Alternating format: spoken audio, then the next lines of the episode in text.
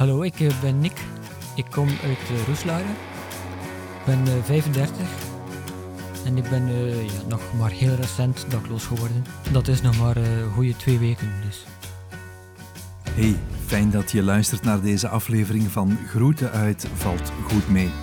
Een podcastreeks van VZW Wieder over thuis- en dakloosheid in Brugge.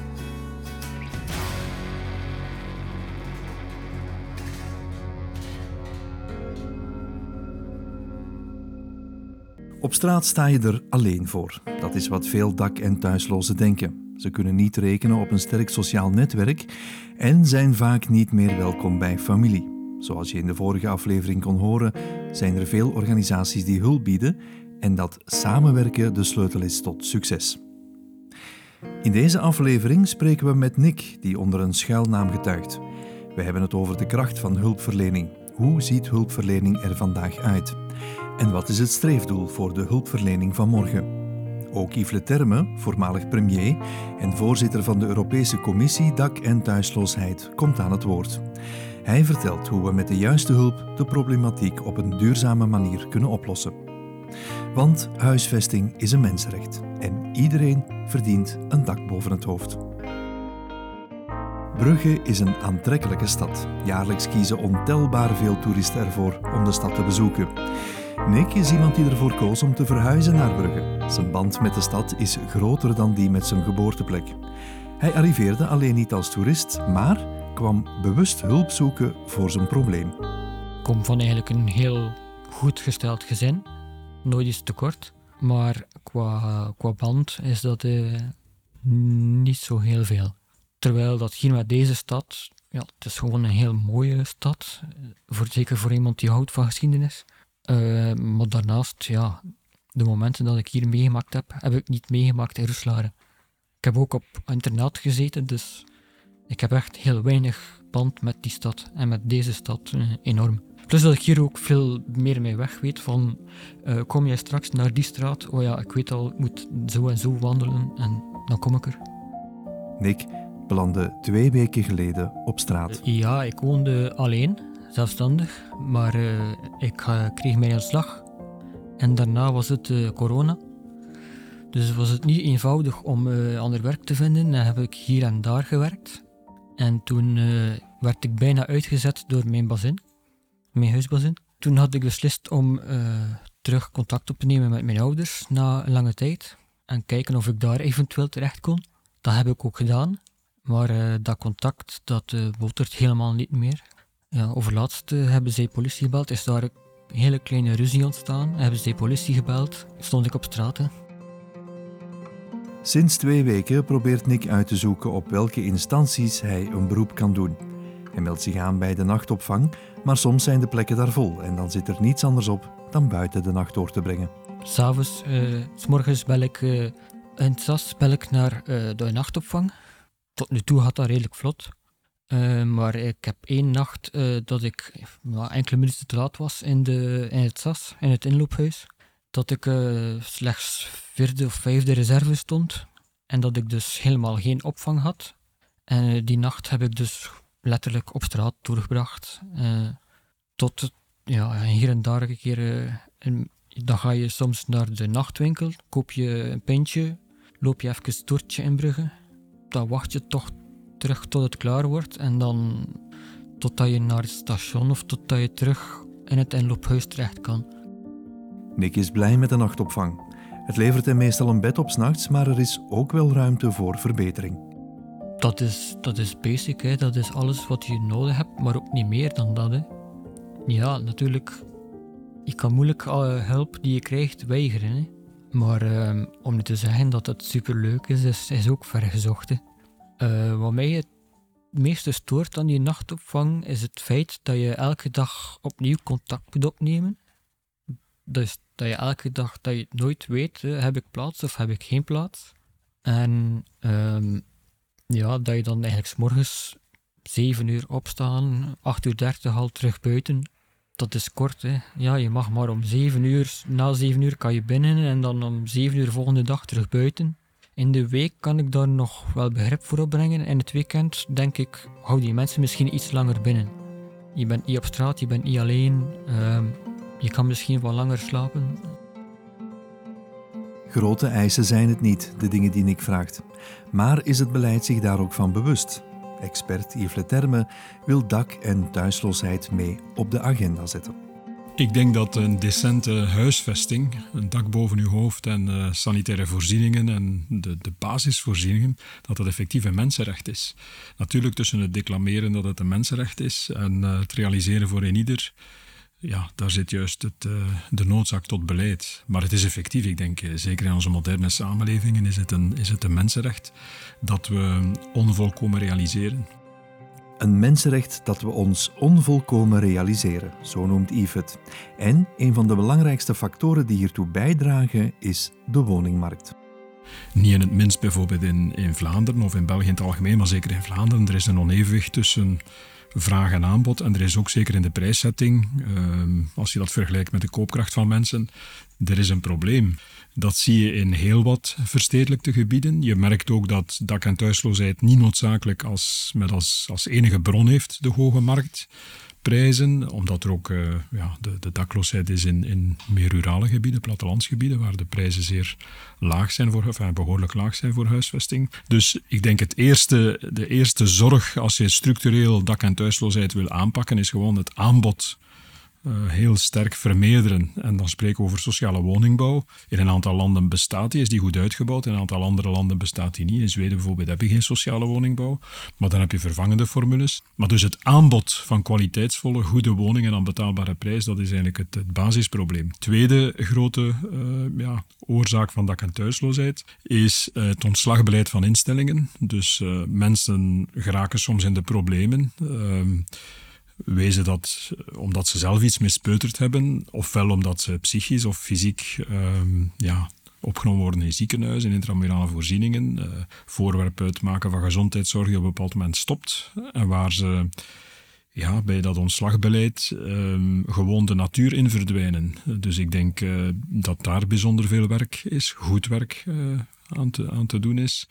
Ten slotte heb je mensen die, enfin, ten slotte, er zijn nog wat tussencategorieën, maar je hebt ook mensen die, ja, die, die gewoon naar socialisatie uh, problemen hebben, uh, gewoon om mee te draaien in, in deze samenleving, die bijzonder hard socialiseert en waar we ons niet meer de vraag stellen op den duur van, ja, kan iedereen dat allemaal wel aan? Ziet iedereen dat zo?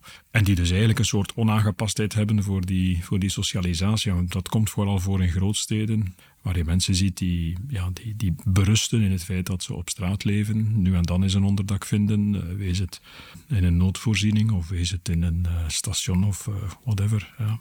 Dus ik denk voor die zeer diverse groep van mensen dat onze sociale woningbouw en sociale huisvestingsmaatschappijen nog niet echt het aangepaste antwoord hebben. En eigenlijk nog altijd wat focussen op de mensen die net te weinig sparen of verdienen om zich een eigendom te kunnen permitteren. En dat we eigenlijk te weinig concentreren op de ja, x procenten mensen die echt, de, en dat is niet pejoratief bedoeld, maar die dan de onderlaag vormen en die eigenlijk voor een deel van de, van de radar zijn verdwenen, ook van sociale huisvestingsmaatschappijen, die dan soms niet de middelen hebben, financieel of gewoon naar omkadering, om ook die fine-tuning te doen van mensen die niet passen in, in de klassieke aanpak, om te zorgen dat er daar een aanbod is. Uh, en dat gaat dan over ja, dingen zoals doorgangswoningen of uh, tijdelijke uh, voorzieningen tot uh, ja, aan hun situatie aangepaste sociale woningbouw, sociale flats. Um, ik zou wel willen opmerken dat, dat ja, heel die redenering die ik nu doorloop in een aantal grootsteden in Europa, gaat die ook buiten Europa, gaat die maar ten dele meer op, omdat je steeds meer fenomenen hebt van de working poor, waar, waar mensen een job hebben, een vrij stabiele job, ook een stabiel inkomen, ja, eigenlijk gedwongen zijn om van heel ver te, te commuten, te pendelen, omdat het gewoon in de stadskern of waar ze werken, onderwijs, uh, ziekenhuis enzovoort, gewoon te duur is om te wonen. En daar zie je ook een, een bron van dak- en thuisloosheid. Hè. Mensen die dan uh, effectief die verplaatsing maken, die anderhalf, twee uur heen en anderhalf, twee uur terug op een voorstadstrein zitten, openbaar vervoer of, of uh, ja, hun plan moeten trekken. En die dan bepaalde dagen van de week moeten kunnen overnachten dichter bij het werk, maar die daar geen echte structurele oplossingen hebben. En dan gebeurt het wel eens dat mensen uh, ja, ook op die manier uit de boot vallen. Ik denk dat sociale huisvesting, zoals ze uitgedacht is in het verleden, dat die een grote nood heeft aan aanvullend maatwerk. Uh, en ik denk dat we redelijk goed zijn geweest in Vlaanderen, ook in een aantal andere landen, Duitsland bijvoorbeeld, in zaken de productie van de gemiddelde sociale woning. Maar dat we te weinig geïnvesteerd hebben tot nu toe en, en te weinig zorg hebben besteed aan die, ja, die, die, mensen die dan ook net uit die boot vallen. En die ook een, een zorg nodig hebben die anders is dan de klassieke sociale woningenbewoners. Ja. De sociale huisvesting moet anders. Iedereen moet een dak boven zijn hoofd krijgen. Daar zijn we het over eens. Een duidelijk beleid en vooruitstrevende visie zijn hierin essentieel. Toch wordt er vaak vergeten om te luisteren naar de mensen waarover het gaat. Denk wel dat dat beter kan, ja. Misschien dat deze podcast nu misschien daar iets een verschil kan in maken, maar uh, ik denk wel dat er wel een soort afstand is tussen het beleid en de mensen die in die situatie zitten, ja. Ik denk niet dat het echt van slechte wil is van de beleidsmakers, maar uh, ja, als je het niet meegemaakt hebt, is het nogal moeilijk om het je in te beelden hoe dat het is. Dat, ja, er is zoveel gaande in deze wereld, maar als je het niet hebt meegemaakt, kan je dat moeilijk inbeelden, denk ik.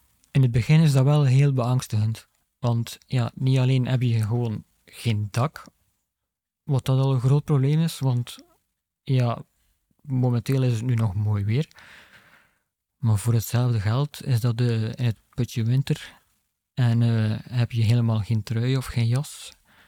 Dus dat is al het eerste.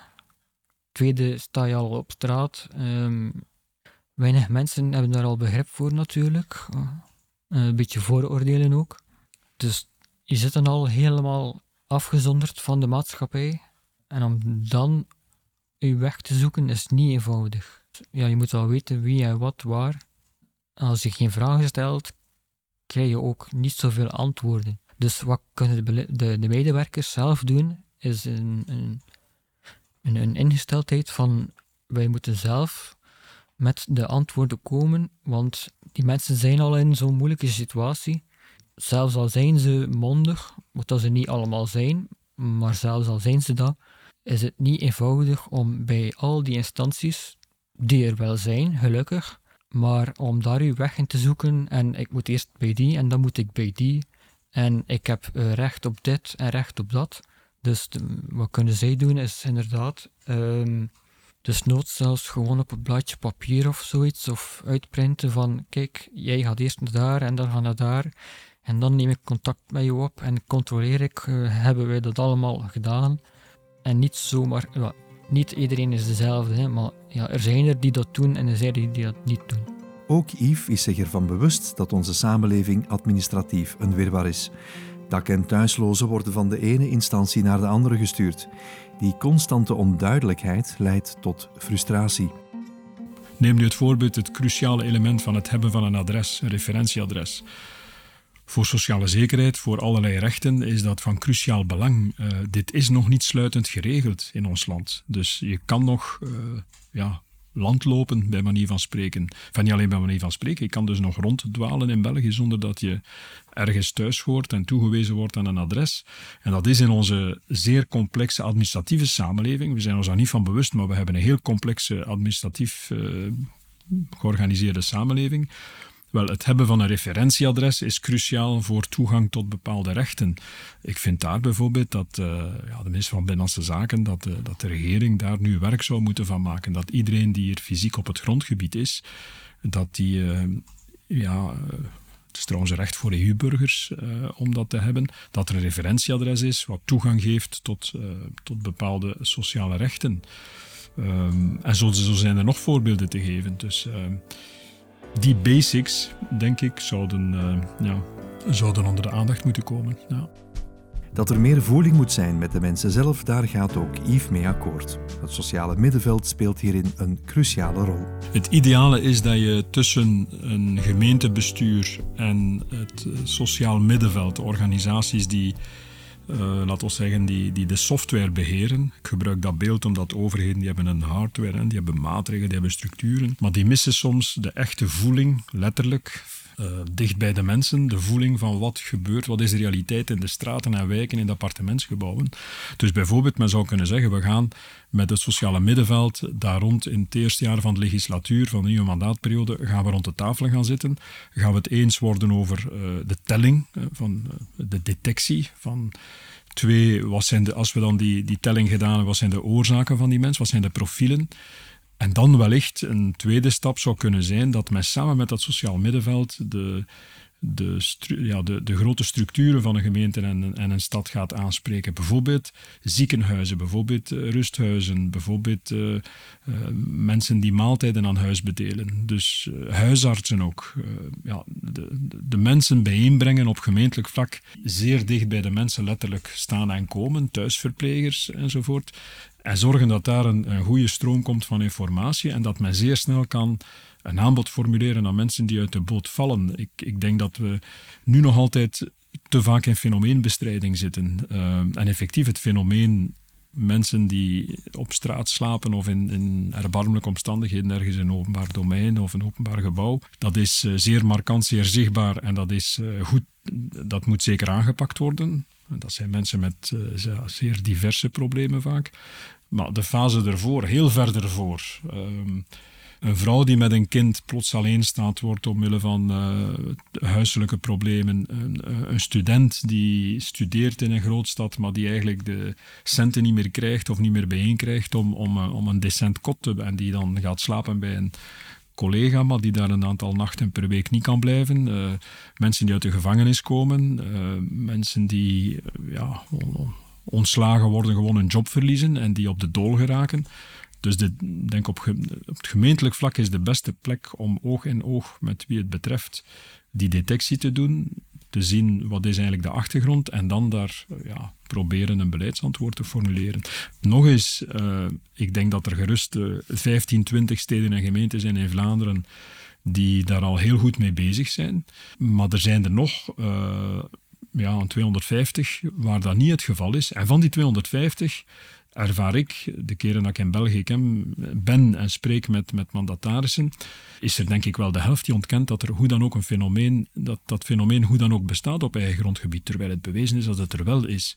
En dan, dan denk ik vooral aan de kleinere en middelgrote steden, ja, waar de beleidsverantwoordelijken op vandaag daar totaal geen, geen zicht hebben eh, op wat er gebeurt. Dan heb je wel structuren uh, die, die daarmee bezig zijn, maar die slagen er niet altijd in om gebiedsdekkend te zijn. Een dakloos is ook, een, is ook iemand die, die rechten heeft, die burgerrechten heeft, die politieke rechten heeft en is dus is ook een kiezer bij manier van. Niet alleen bij manier van spreken is dat ook. En kandidaat gemeentemandataris moeten ook durven de wat moeilijkere domeinen uh, aangaan. Nou. Duidelijkere communicatie is volgens Nick ook deel van de oplossing. Het huidige systeem kan beter. Kunnen we misschien leren van andere landen? Hoe doet België het eigenlijk ten opzichte van andere landen?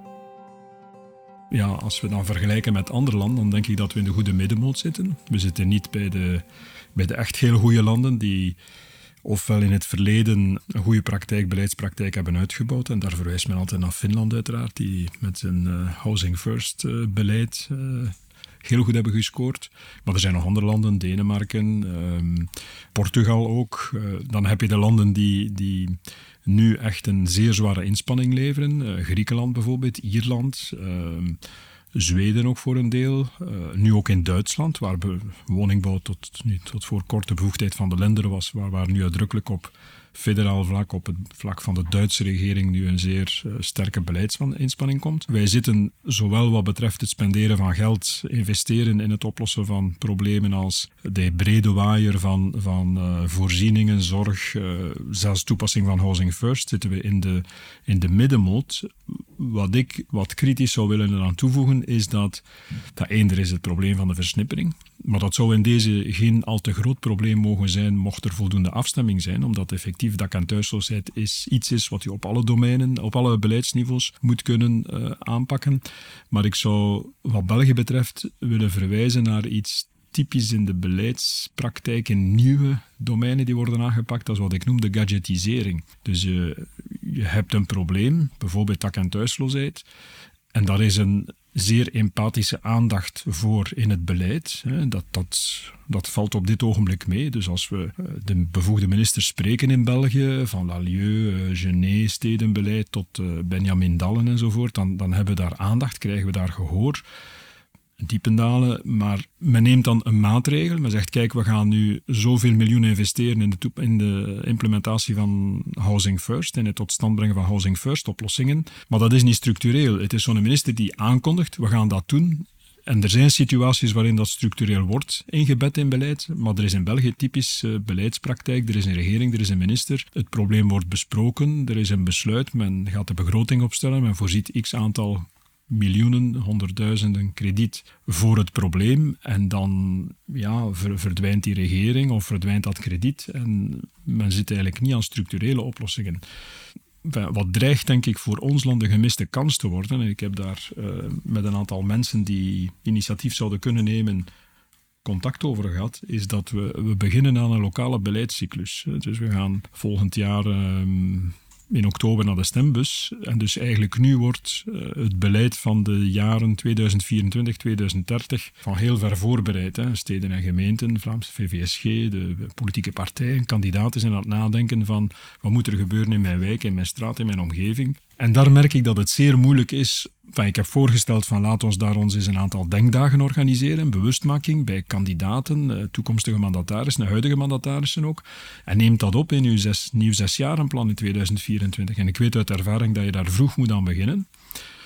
En ik ben daar nu al een aantal maanden met een aantal mensen over aan het spreken, maar het, het lukt niet om, uh, ja, om ervoor te zorgen dat organisaties zoals de Vereniging van Steden en Gemeenten, Vereniging van OCME, ehm, eh, politieke partijen, het lukt onvoldoende om te zeggen van kijk, we gaan nu naast de tien andere beleidsdomeinen of acht uh, aandachtspunten, we gaan dit ook inschuiven van in het begin als een soort tick the boxes, hè, als een soort aandachtspunt voor de beleidsperiode 2024-2030, waar we hoe dan ook het gesprek over gaan voeren de komende maanden over wat zou daar oplossing kunnen zijn, wat kunnen we aan de kiezer voorleggen als oplossing.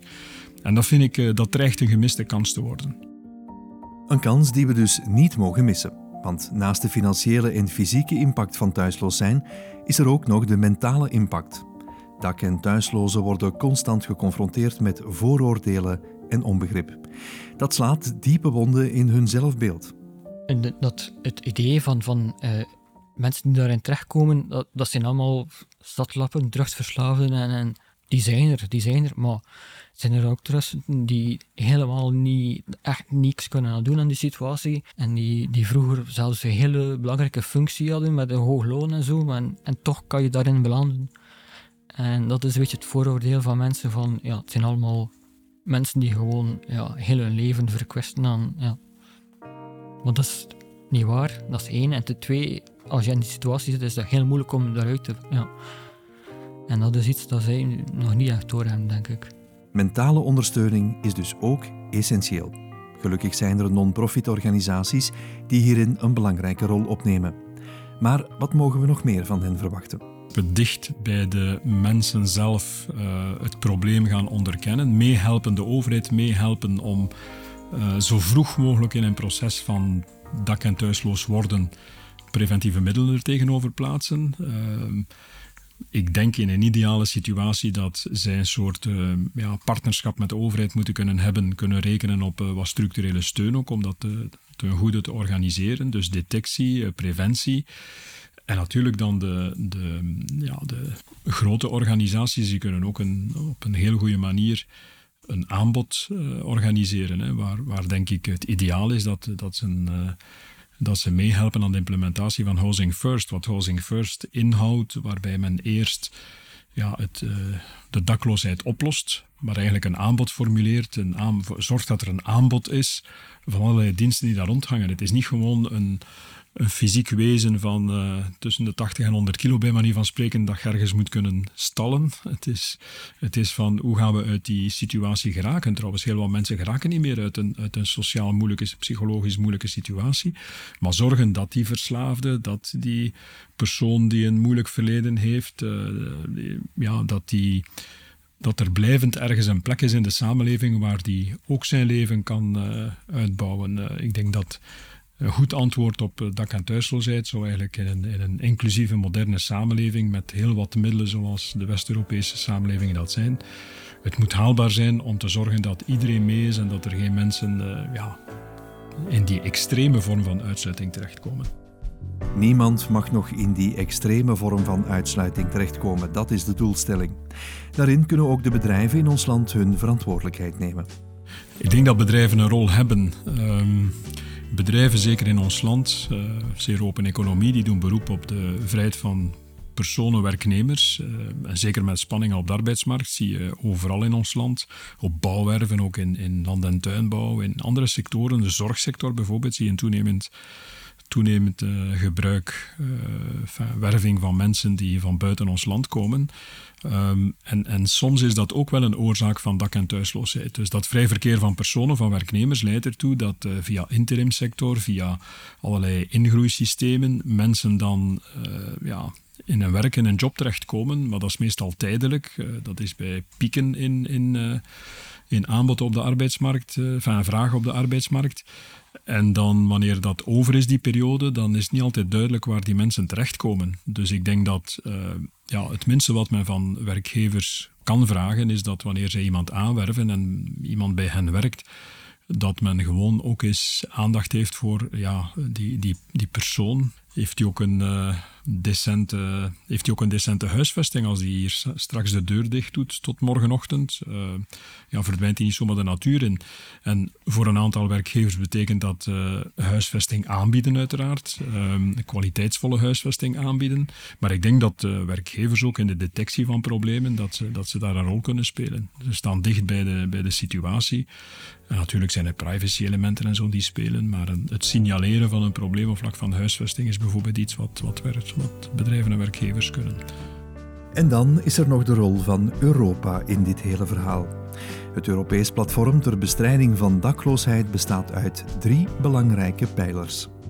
De idee is eigenlijk van wij produceren dak- en thuisloosheid. Doordat we dat vrij verkeer hebben in die omgeving van 300, 400 miljoen mensen, geraken mensen op de dool. Ze maken gebruik van dat basisrecht om door de grenzen heen te, zich te verplaatsen in Europa, proberen een job uit enzovoort. En om allerlei redenen geraken ze in de problemen. Er is uh, ja, een, soort basisrecht als, uh, als Europese burger ook op toegang tot sociale voorzieningen. Maar goed, los daarvan, dus Europa produceert dak- en de van Sociale Zaken hebben twee jaar terug gezegd van wij moeten zien wat Europa daar kan doen. En dat is eigenlijk niet zoveel, maar toch wel voldoende om te zeggen dat als we dit Europees niet aanpakken op die domeinen, dan missen we kansen. En dus we hebben samengezeten met dat platform, samengesteld uit die ministers, de Europese Commissie, uh, vertegenwoordigers van het Europees Parlement, maar vooral het rijke middenveld aan uh, organisaties die de strijd tegen dak- en thuisloosheid aangaan. We hebben eigenlijk gezegd, laten we ons concentreren op drie dingen die we gaan doen vanuit dat platform, vanuit Europa. Eén, dat is het eens worden. Het lijkt een beetje raar. Het eens worden over waarover praten we precies als we het hebben over dak- en thuisloosheid. Die definitie, de manier van tellen. Een beleidsprobleem wordt het best aangepakt wanneer het goed onderkend wordt wat precies er aan de hand is. En wanneer we ook jaar na jaar kunnen zien wat het effect is van eventuele maatregelen. Dus daar is men nu bijna rond met het vastleggen van een definitie. Uh, dit zal waarschijnlijk een ruime definitie worden. Dus niet alleen de mensen die op straat slapen, maar ook de mensen die in allerlei informele tijdelijke situaties zitten, van slapen bij vrienden tot uh, ergens in een, in een leegstaand pand. Uh, dus over wie gaat het? Uh, de tellingen goed organiseren, dat is een eerste pijler. Zorgen dat we het erover eens zijn, dat is een cruciale pijler, want als Europa dan later monitort en, en opvolging geeft, moeten we het eens zijn over cijfers. Tweede, clusters, tweede cluster is, lijkt ook evident, er zijn goede ervaringen in Europa. Er zijn een aantal streken die, die zeer performant zijn, die zeer goed presteren in het voorkomen en oplossen van dak- en thuisloosheid. Finland is altijd het voorbeeld dat gegeven wordt, maar er zijn nog andere, uh, om het andere extreem te nemen, ook in Portugal zijn er goede beleidspraktijken, Spanje, Griekenland. Laat ons de kans geven aan iedereen die daarmee begaan is, die daarin actief is, van van elkaar te vernemen wat werkt en wat niet werkt. Zodanig dat we geen tijdverlies hebben. Hè. Zeker in de opbouwfase van beleid verlies je soms jaren, omdat men formules uittest waar al gebleken is dat dit niet werkt, ondanks de goede bedoelingen. Dus dat is het tweede nu, waar we, waar we heel sterk op aan het werken zijn. Dat al gebeurt. Hè. Er zijn al vier, vijf uh, zittingen geweest waar professionals van over heel Europa uh, die, die ervaringen en, en goede praktijken hebben uitgewisseld, ook leermomenten voor professionals. Um, het derde is dan uh, van al het geld dat nu geïnvesteerd wordt in het versterken van de economie opnieuw, maar ook dingen rond de Green Deal. Er gaat dus een enorm pakket aan miljarden nu wordt uh, geïnjecteerd in de Europese economie.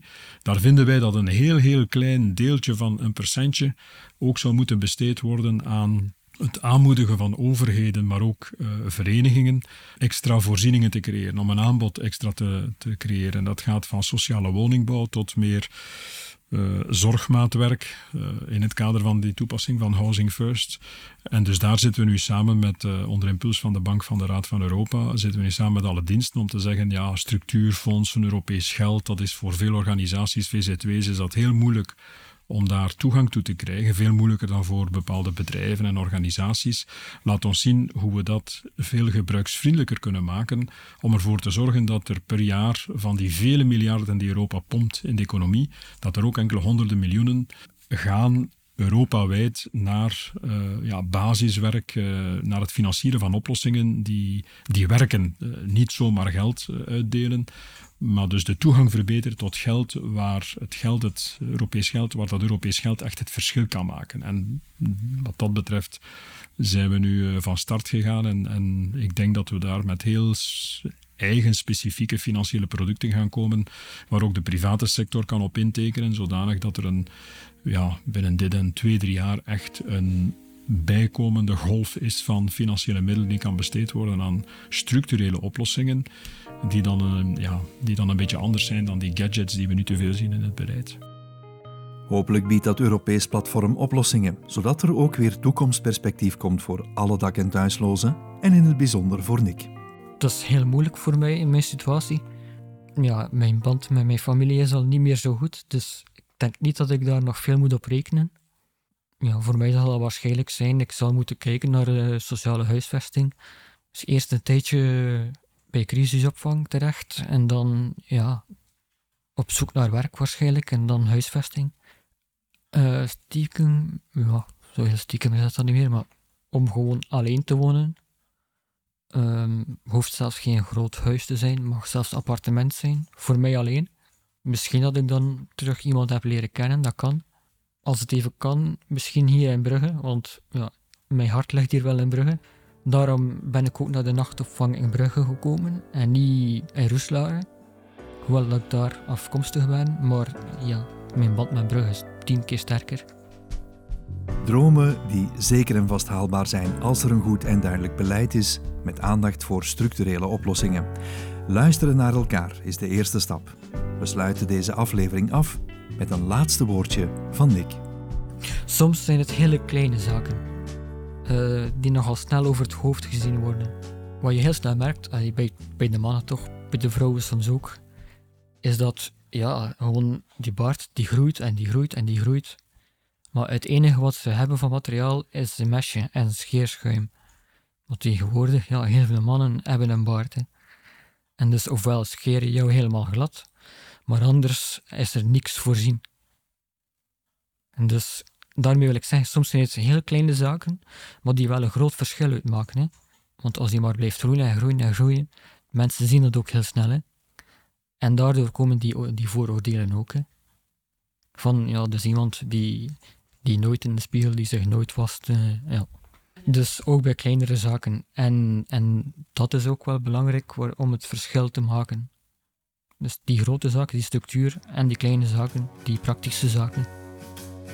Wil je meer informatie over dak- of thuisloosheid of wil je helpen? Volg VZW Wieder op Facebook, LinkedIn of Instagram en neem contact op.